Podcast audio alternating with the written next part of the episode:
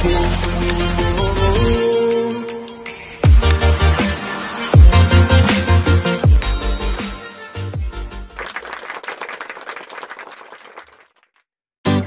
siang, kembali bersama saya Agung Surya Gumelar dalam acara Beyond Education Podcast. Podcast yang selalu menemani di kehidupan-kehidupan Anda terkait masalah coaching, parenting, motivating, dan kita selalu berusaha untuk menjadi solusi bagi permasalahan Anda. Tapi ini adalah sebuah ikhtiar atau sebuah usaha kita saja ya. Mungkin teman-teman semuanya yang sudah mengucapkan terima kasih kepada kita, eh, kita juga berbalik mengucap terima kasih juga sudah menonton Beyond Education Podcast dan mudah-mudahan kita bisa lebih bermanfaat lagi. Tapi jika kalau misalnya kurang puas dengan jawaban kita yang sudah kita post di uh, YouTube Beyond Education Podcast, silahkan langsung tanya tanyakan lagi saya ya. Kayak kemarin itu ada saya beberapa dialog dengan seseorang yang bertanya gitu, dia akan menanyakan sesuatu terus kita bahas, kita bahas di YouTube terus dia mengucapkan terima kasih. Tapi kalau misalnya ada kurangnya atau misalnya ada apanya silahkan langsung dikomentari saja. Kita juga butuh masukan butuh insight-insight baru atau misalnya pertanyaannya lagi nggak jadi masalah.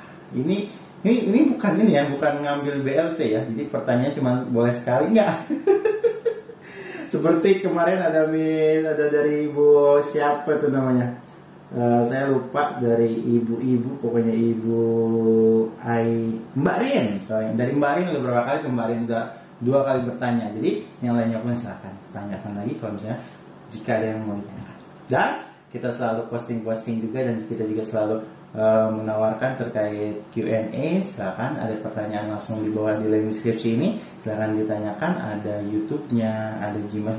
Ini YouTube-nya ya. Ada Gmail-nya ada juga WA-nya Telegram-nya. Itu untuk komunikasi kita. Dan kalau misalnya ada yang mau bergabung dengan WA-nya juga langsung daftarkan saja. Dan Telegram-nya juga sudah ada. Gitu ya. Dan jika ada yang mau baca-baca terkait artikelnya silahkan langsung saja di link bawah ini sudah ada juga Beyond Education Blogspot itu artikel selalu update dua hari sekali. Dan tidak pernah kosong. Dan kalau misalnya teman-teman semuanya hmm, ingin mendengarkan kami di radio di radio online Indonesia juga ada. Di Spotify juga kita sudah ada. Di Apple Podcast, di Overcast dan di Google Podcast juga kita sudah ada. Jadi langsung saja klik misalnya kata kuncinya adalah Bionication maka kita akan bertemu di radio online. Tapi ah, kalau di radio online hanya hanya apa? Hanya suaranya saja ya tidak dengan videonya seperti itu. Baik. Pada siang hari ini bersama dengan Pak Doni. Halo teman-teman semuanya. Gimana dong? Waduh pas sekarang. Nah ini mau ppkm lagi nih pak. Oh iya. Kenapa tuh? Sudah naik lagi gitu kan. Kasus, kasus eh, Omicron ya. Omicron ya. Kasus COVID ya. naik lagi.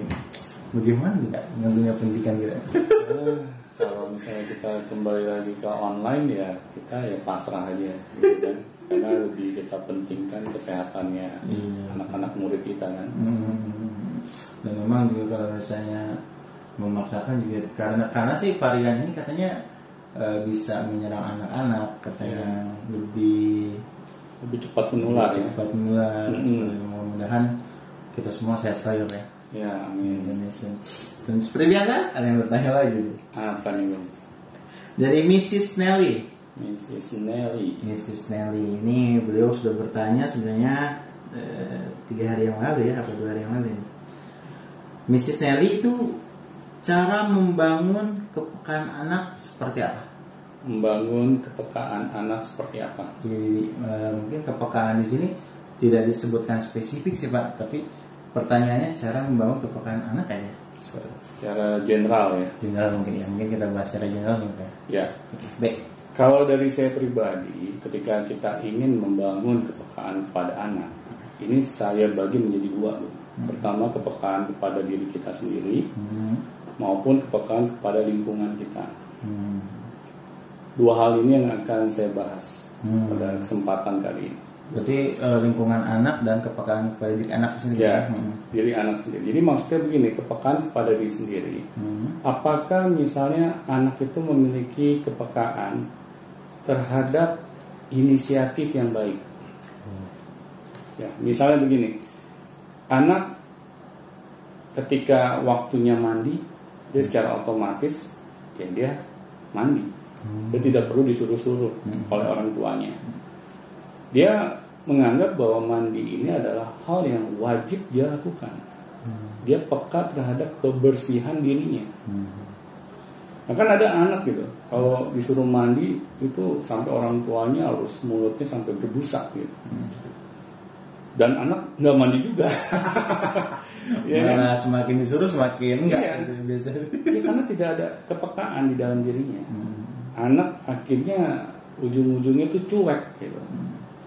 Malah dia menganggap orang tua itu mengganggu kehidupannya. Ya, oh, iya juga. Iya ada. gitu kayaknya. Karena memang sejak kecil orang tua hanya memberikan perintah kepada anak, Oh. bukan memberikan pemahaman betapa pentingnya kita mandi. Hmm. Ya, dengan kita mandi kita uh, memiliki badan yang bersih. Ya, otomatis badan kita menjadi sehat karena tidak ada misalnya kotoran yang melekat di diri kita. Oh, jadi harus dijelaskan seperti itu ya? Harus, Tidak harus. hanya perintah aja. gitu. Iya.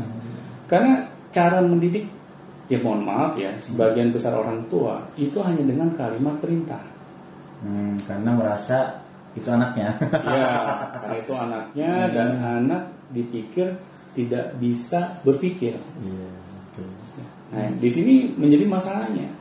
Kalau kita sebagai orang tua tidak mau belajar mengenai anak, maksudnya tumbuh kembang anak. Nah, di sini pentingnya kalau misalnya orang tua ini menginginkan anak itu peka terhadap dirinya, kemudian peka terhadap lingkungannya, terutama lingkungan sosialnya. Kita misalnya senang gitu, kalau melihat anak kita senang berbagi pada sesama. Hmm.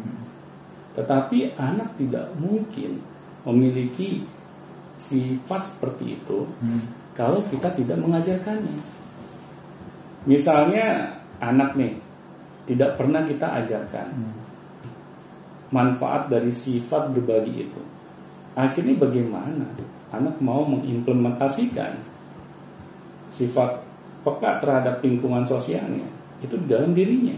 Oh, berarti orang tua itu bisa dijadikan panutan gitu ya Pak ya? Untuk Iya. belajar kepekaan anak. gitu. Benar, benar. Karena orang tua yang harus memberikan contoh terlebih dahulu. Bagaimana kepekaan yang ada di diri orang tua itu, anak bisa lihat. Iya, dia mengasahnya dengan cara seperti itu ya Benar, orang tua benar, benar. Karena begini, kalau misalnya nih kita nyuruh anak kita mandi tepat waktu, Hanya perintah aja. hanya ya. perintah saja, Betul. tetapi orang tua tidak pernah melakukannya tepat waktu. Hmm. Akhirnya kan anak bingung. Kok orang tua saya cuman bisanya merintah ya? Hmm. Dia aja nggak melakukan, terus dia nyuruh saya. Oh jadi orang tua enak banget ya. Dibandingkan jadi anak gitu. jadi korban terus gitu. Nah di sini kan orang tua tidak peka gitu. Hmm. Kalau kita berpikir anak itu tidak bisa melihat ya, lingkungannya, orang tua akan kecolongan gitu. Anak bisa berpikir gitu Hmm. bahwa orang tuanya ini tidak bisa menjadi role model yang baik. Itu yang kita nggak pikirin. ya. Nah, itu. Kalau sampai hal itu sudah melekat di diri si anak ya, bahwa orang tua ini bukan role model yang baik, ya bagaimana anak ini timbul kepekaannya dong? Sulit gitu. Ya kayak orang dewasa saja ya, kalau tidak diberikan contoh hal yang baik, orang dewasa saja tidak memiliki caranya.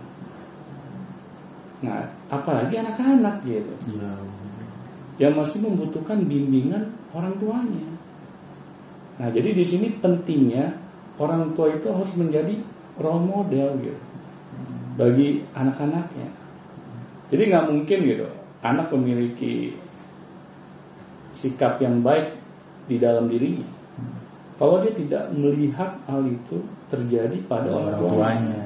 Betul. Jadi ya sebaiknya apa pun itu berawal dari eh, sesuatu yang dicontohkan gitu sebagai Benar, panutan benar, utama benar, gitu. benar. Karena kita juga sebagai anak kayaknya sih eh, kalau orang tua kita mencontohkan kita nggak sulit untuk mencontoh Benar. kita sebagai anak ya Iya, iya. Merasa kan kalau yang ngeliat orang tua mandi tempat waktu kita juga ikutin gitu jadi gampang gitu Benar, benar. dibanding kita harus disuruh tapi kita nggak nggak bisa ngelihat orang tua kita melakukan hal itu Iya. gitu. Ini ada contohnya yang saya ingin berikan ya. Hmm. Ya pada suatu saat gitu ketika anak saya masih usianya kecil gitu kan.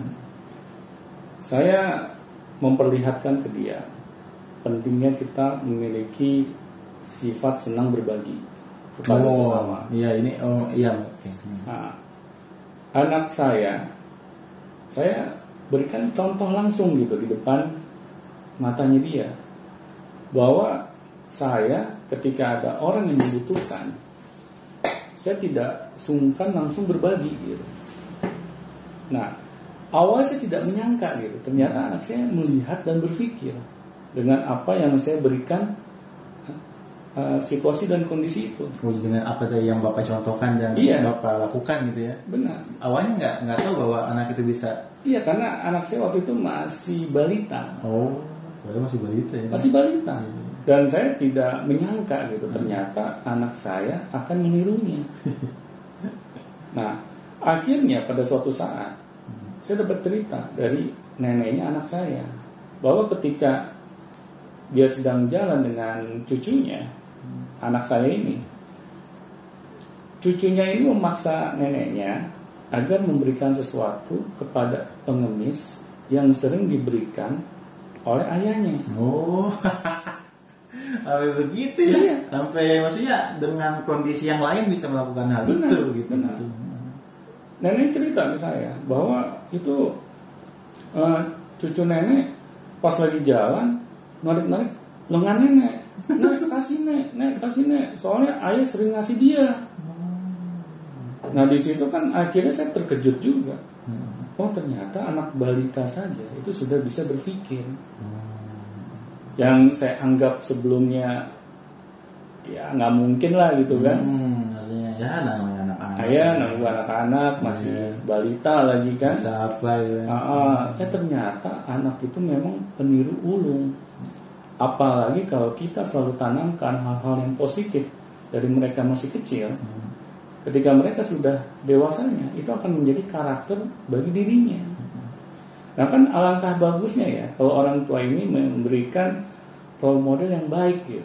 jadi mengajarkan atau mema- mengajarkan pemahaman kepekaan itu bukan hanya dengan perintah saja gitu ya Benar, tapi langsung di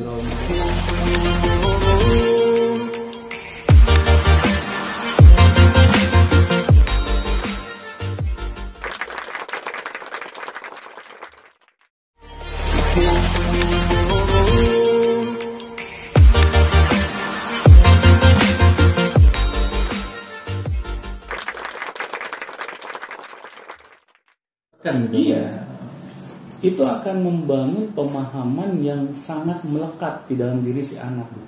Karena anak melihat action dari orang tuanya, bukan hanya sekedar ucapan kata-kata gitu. Nah, kamu harus menjadi orang yang senang berbagi loh. Hmm. Berbagi itu penting. atau misalnya nah kamu harus jadi orang peka loh ya, gitu doang. Jadi orang yang peka, peka doang gitu kan, gak jelas gitu. peka apa gitu Iya. Kita pikir anak kita nih Google. nah, ini kan akhirnya orang tua ini harapannya kepada anak agar anak peka ini nggak akan kejadian gitu. Karena nggak mungkin kan anak dapat meniru kebiasaan orang tuanya, tetapi orang tuanya tidak pernah menunjukkan kebiasaan tersebut. Nah, akhirnya kan kita sebagai orang tua ketika anak sudah dewasa, anak itu tidak peka terhadap diri maupun lingkungannya, ya jangan salahin anak gitu. Karena kita sebagai orang tua tidak pernah melibatkan diri dalam tumbuh kembang anak-anak kita. Kita menyerahkan ini semuanya misal ke pihak luar, ya kan nggak mungkin gitu. Pihak luar ini sangat peduli terhadap tumbuh kembangnya anak-anak kita, meskipun gurunya ya. Sedangkan seorang guru saja dia tidak mengurus hanya satu orang anak gitu. Ya sekenanya aja Ya sekenanya aja. Sedangkan orang tua yang hidup seatap dengan anak-anaknya, Iya. malahan tidak mau terlibat. Iya. Makanya kalau misalnya eh, sayang banget gitu ya ketika anak itu tidak bisa belajar dari orang tuanya. Benar, benar. Sayang banget itu. Karena orang tua ini adalah guru utama Hmm. Bagi anak-anaknya, bukan guru di sekolah ya. Karena selama ini yang kita anggap seorang guru itu kalau ngajar matematika, fisika, kimia, gitu kan, Di depan kelas. di depan kelas gitu. Iya. Ya orang tua ya jangan memiliki pola pikir yang seperti itu. Karena anak ini lebih membutuhkan gitu sentuhan dari orang tuanya dibandingkan orang lain gitu. Iya, Karena kan sifat-sifat kayak kepekaan berbagi itu orang tua itu harus menjelaskan gitu pentingnya. Benar, benar. Di- ada di dalam diri anak itu kan. Iya. Jadi kalau misalnya dia nggak tahu ah, kenapa saya harus peka, kenapa saya harus berbagi gitu kan, Benar. nggak nggak tahu pentingnya, mereka juga nggak akan melakukan itu mungkin. Benar. Gitu. Tapi diawali dengan memberikan contoh Contohnya, dulu, iya gitu. betul. Nah setelah kita memberikan contohnya, Hmm. kemudian baru kita berikan pemahamannya Hmm. Betapa pentingnya kita peka terhadap diri maupun lingkungan gitu. Hmm, betul. Tetapi disesuaikan dengan bahasa yang mudah dipahami oleh si anak. Misalnya begini, misalnya kita ingin anak kita peka secara sosial gitu ya pada sesama gitu. Kita ajarkan kepada anak. Nah, kalau ada seseorang yang membantu kehidupan kamu, apa saja dari hal yang terkecil gitu. Misalnya ada seseorang yang membawakan kamu eh, secangkir kopi misalnya. Jangan kopi pak anak-anak biasanya susu. Nah, susu. Ya ini kan kalau misalnya contoh bisa apa saja ya. Nah, yang penting sesuatu yang ada manfaatnya Iya. uh, buat si anak gitu kan. Iya, iya. Anak harus gampang mengucapkan terima kasih. Ah, iya. Ya. Jadi anak sadar gitu.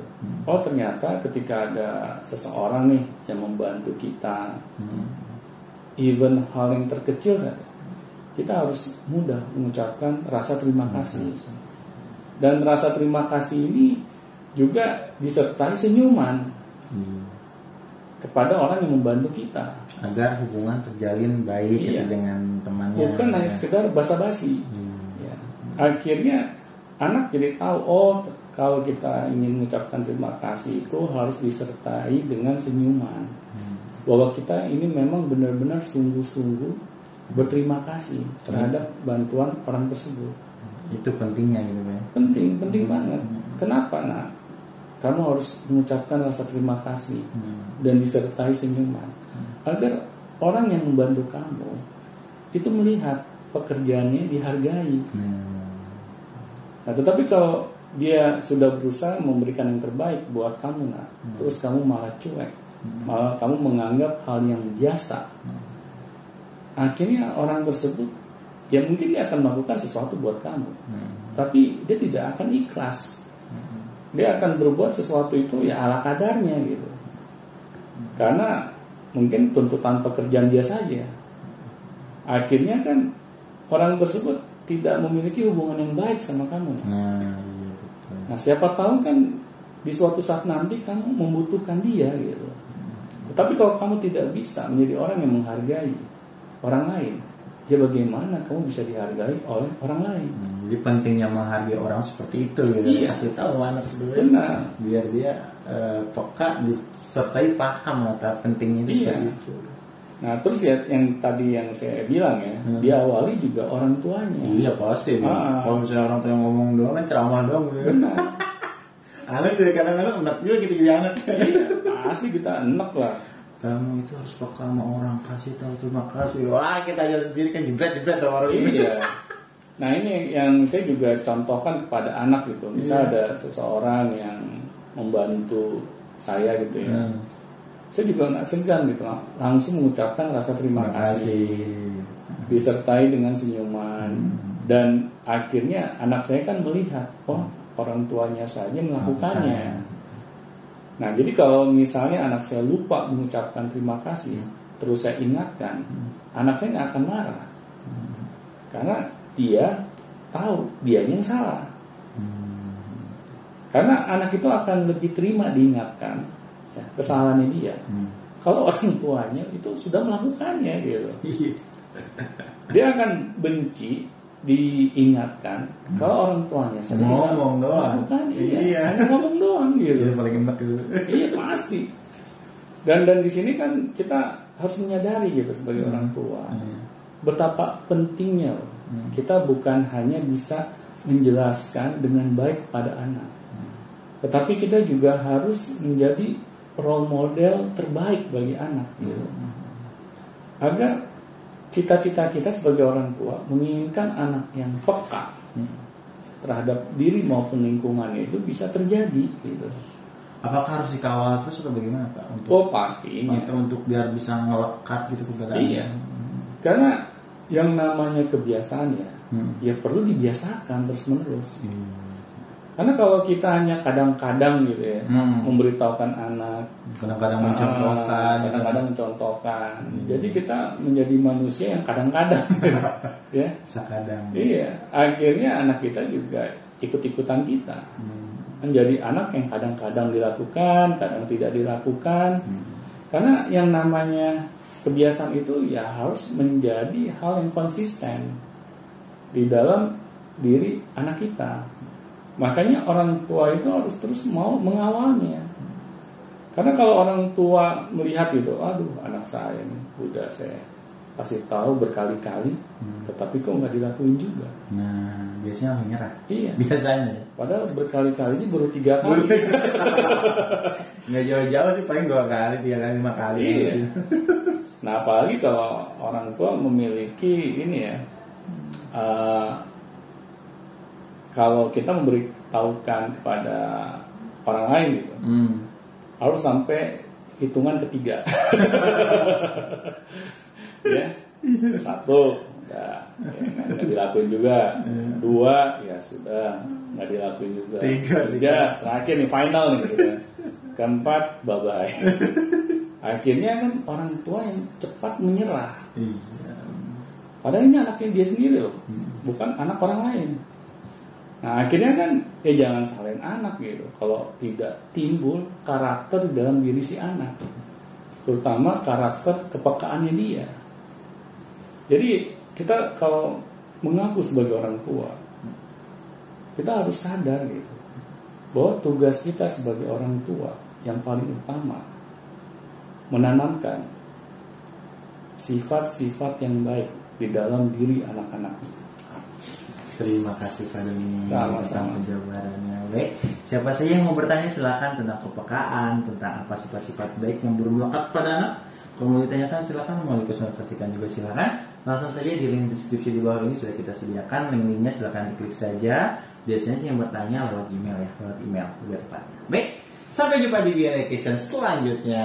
Sampai jumpa teman-teman.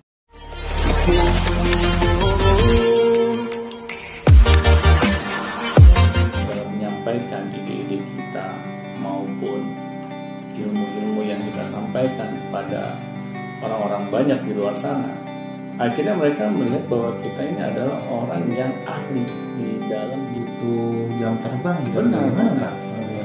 Jadi setiap keahlian yang kita ingin kuasai itu kan membutuhkan